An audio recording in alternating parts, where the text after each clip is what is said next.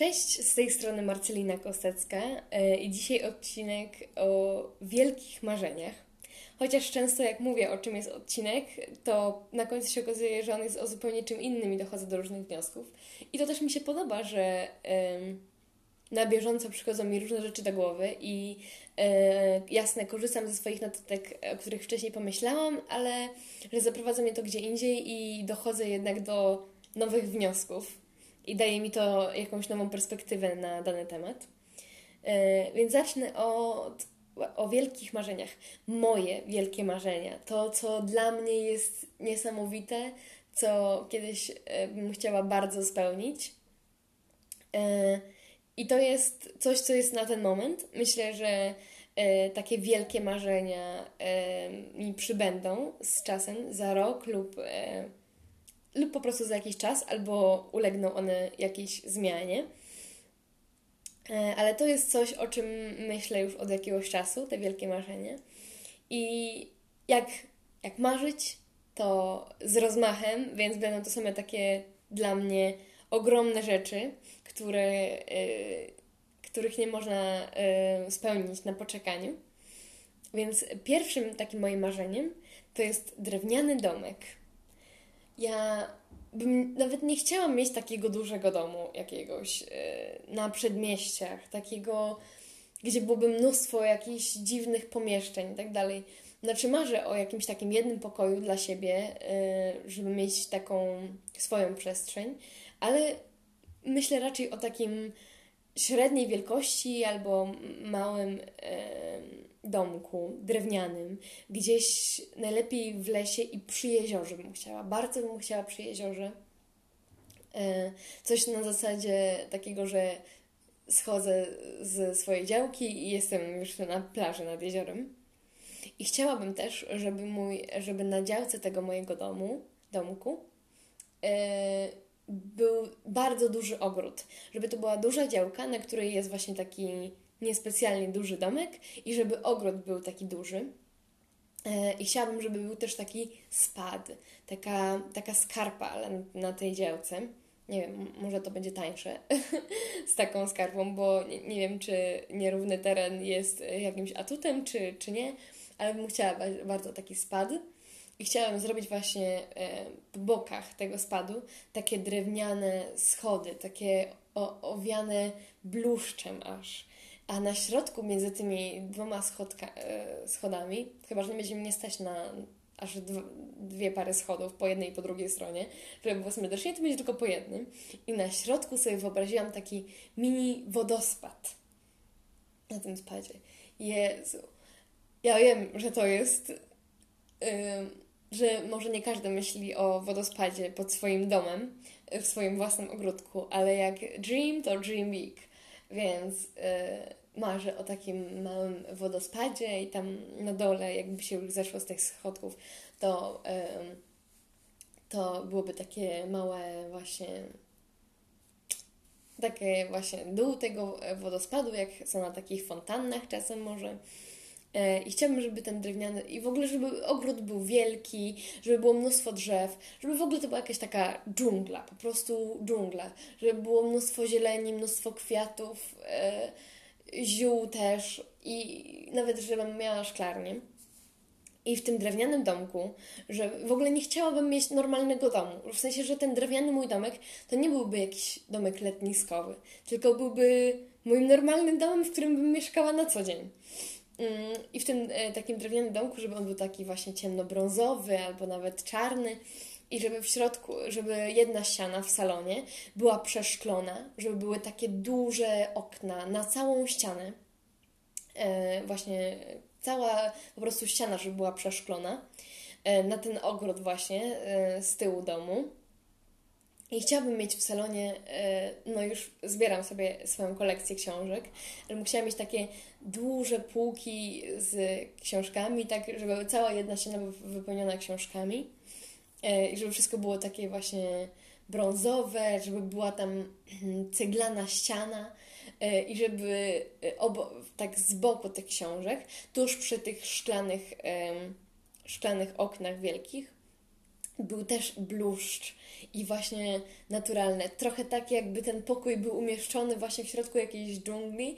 Jak się widzi czasem na Instagramie takie zdjęcia, że jest jakiś domek jak, na jakimś totalnym pustkowiu w środku lasu i on po prostu, człowiek się budzi i widzi za oknem na przykład niedźwiedzia albo jelenia, albo po prostu jest się tak blisko przyrody.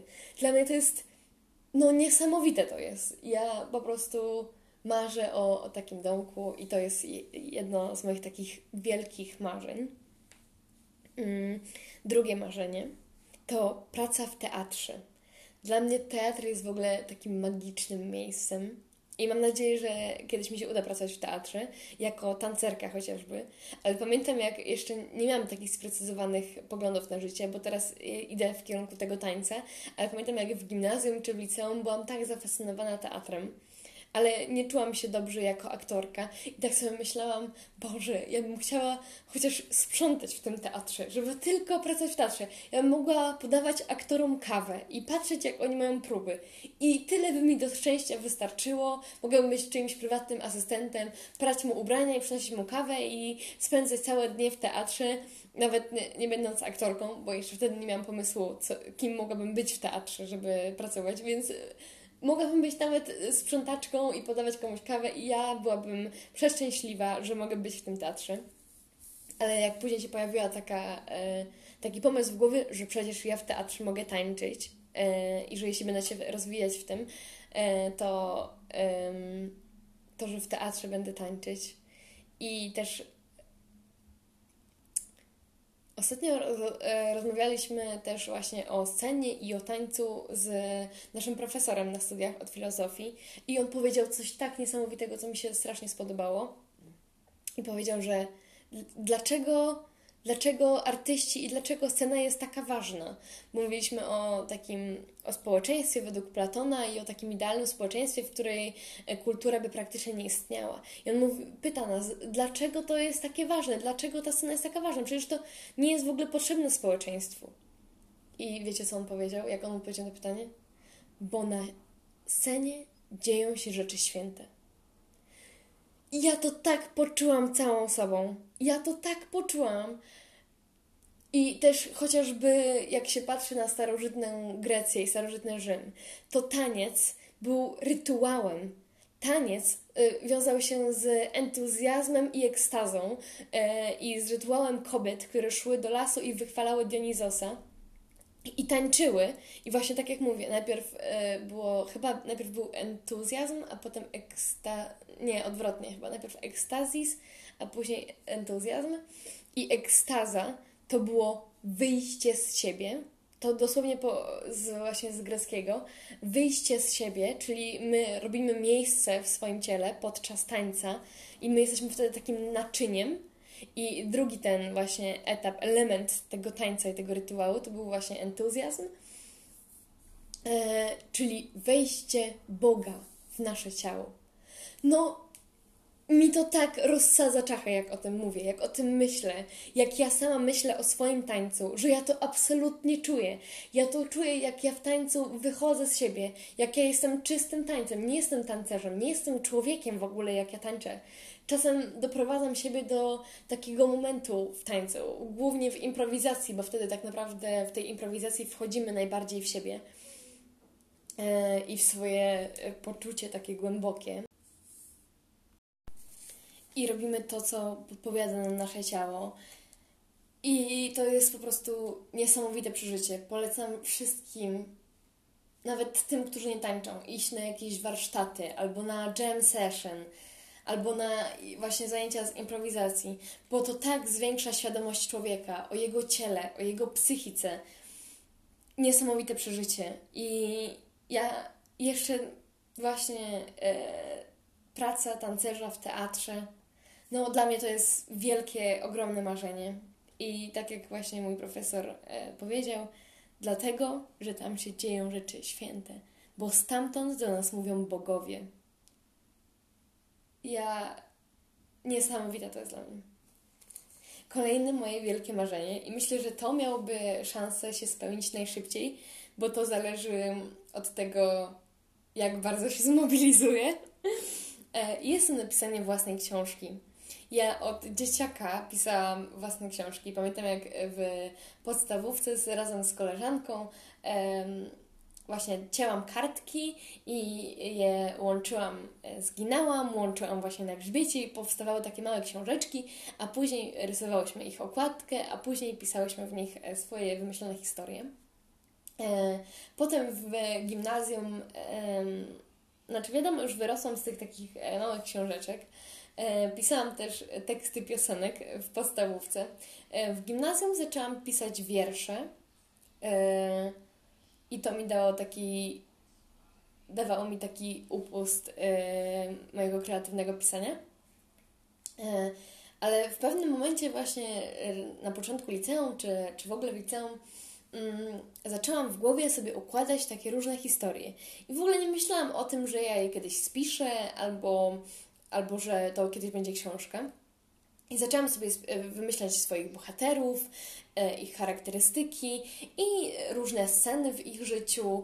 E, jak tylko miałam ochotę, jak mi wpadał jakiś pomysł do głowy, to dokładałam sobie kolejną cegiełkę do tej mojej opowieści w głowie i e, dokładałam kolejną scenę, którą można było chronologicznie umieścić między tym fragmentem a tym. Dopowiadam sobie jakieś zakończenie, początki, jakieś zwroty akcji i tak po kolei sobie dokładałam do tej swojej opowieści w głowie różne historie.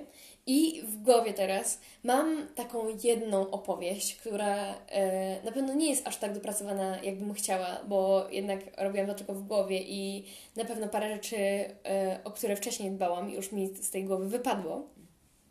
E, ale bardzo bym chciała napisać książkę. Książka w ogóle wydaje mi się być czymś takim super.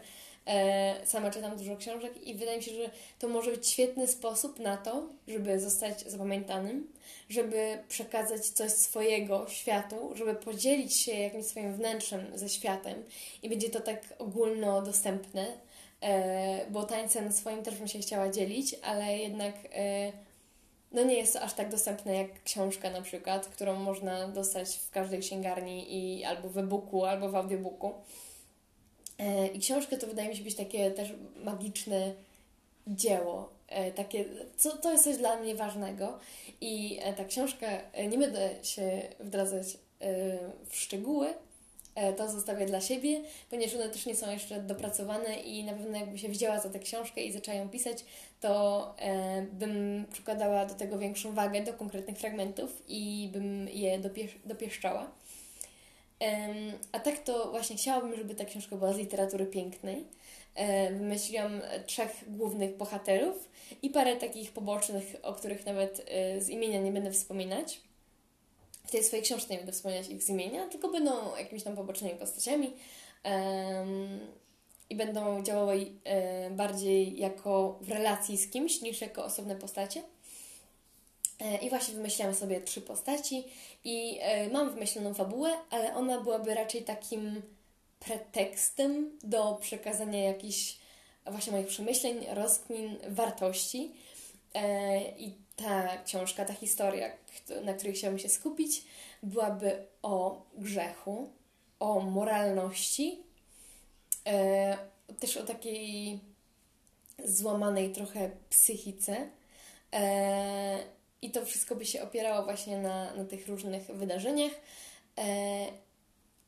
I myślałam nawet, żeby tak porządnie się wziąć za siebie i się skupić i w najbliższe wakacje zacząć tę książkę i tak ustalić sobie taki jakiś limit, że codziennie siadam do laptopa. No, najpierw musiała kupić laptopa, bo nie mam, ale e, siadam do laptopa czy do jakiegoś komputera e, i codziennie piszę po 5-10 stron. E, albo po prostu e, takie postanowienie, żeby codziennie zasiąść i żeby wyrobić sobie też taki nawyk pisania, żeby później, jak będę chciała napisać kolejną książkę i zrealizować kolejną opowieść, która żyje w mojej głowie, e, żebym nie miała problemu z, e, z takim właśnie codziennym pisaniem, z takim nawykiem. I mam nadzieję, że może mi, się, może mi się to uda i w najbliższe wakacje e, zacznę pisać tę książkę, bo jednak jako studentka mam długie wakacje i, i może by coś z tego fajnego wyszło, a nawet jeśli bym jej nie skończyła w te wakacje, to chociażbym ją zaczęła, chociażbym e, zaczęła nad nią pracę i byłoby to właśnie jakaś droga w kierunku e, swojego marzenia, bo jednak no, na drewniany domek na razie chyba jestem jeszcze e, za młoda, w sensie, że nie mam pieniędzy, żeby tak się ustabilizować, ustatkować, nie mam stabilnej pracy, więc o domu ciężko myśleć. O pracy w teatrze też powoli się zbliżam, bo jednak studiuję taniec i gdzieś tam mam to w swoich dalekich planach. Um, ale książka to jest faktycznie coś, co mogę zrobić i coś, co faktycznie e, bardzo zależy ode mnie w tym momencie mojego życia i na co mogę bardzo wpłynąć, więc myślę, że warto by było e, się w to zaangażować. I czwarte, moje wielkie marzenie, o którym dzisiaj powiem, to jest posiadanie własnego kampera. Ja wiem, że te marzenia trochę są sprzeczne, bo tu drewniany domek, stabilizacja, a tu kamper. E, I co mam na myśli mówiąc, żebym chciała własnego kampera? To mi też w ogóle przychodzi na myśl ten taki super filmik e, na YouTube. Znaczy, ja go oglądam na YouTubie, ale to jest wykład TED Talks. E, już nie pamiętam kurczę nazwiska tego mężczyzny, ale nazywa się Wielkie Możliwości chyba na YouTubie e, ten filmik. I tam mężczyzna mówił o tym, że chce mieć kampera e, i że zawsze o tym marzył. I potem w wieku 40 lat, kiedy go wreszcie było na to stać, kiedy sobie na to uzbierał, miał takie ogromne wątpliwości.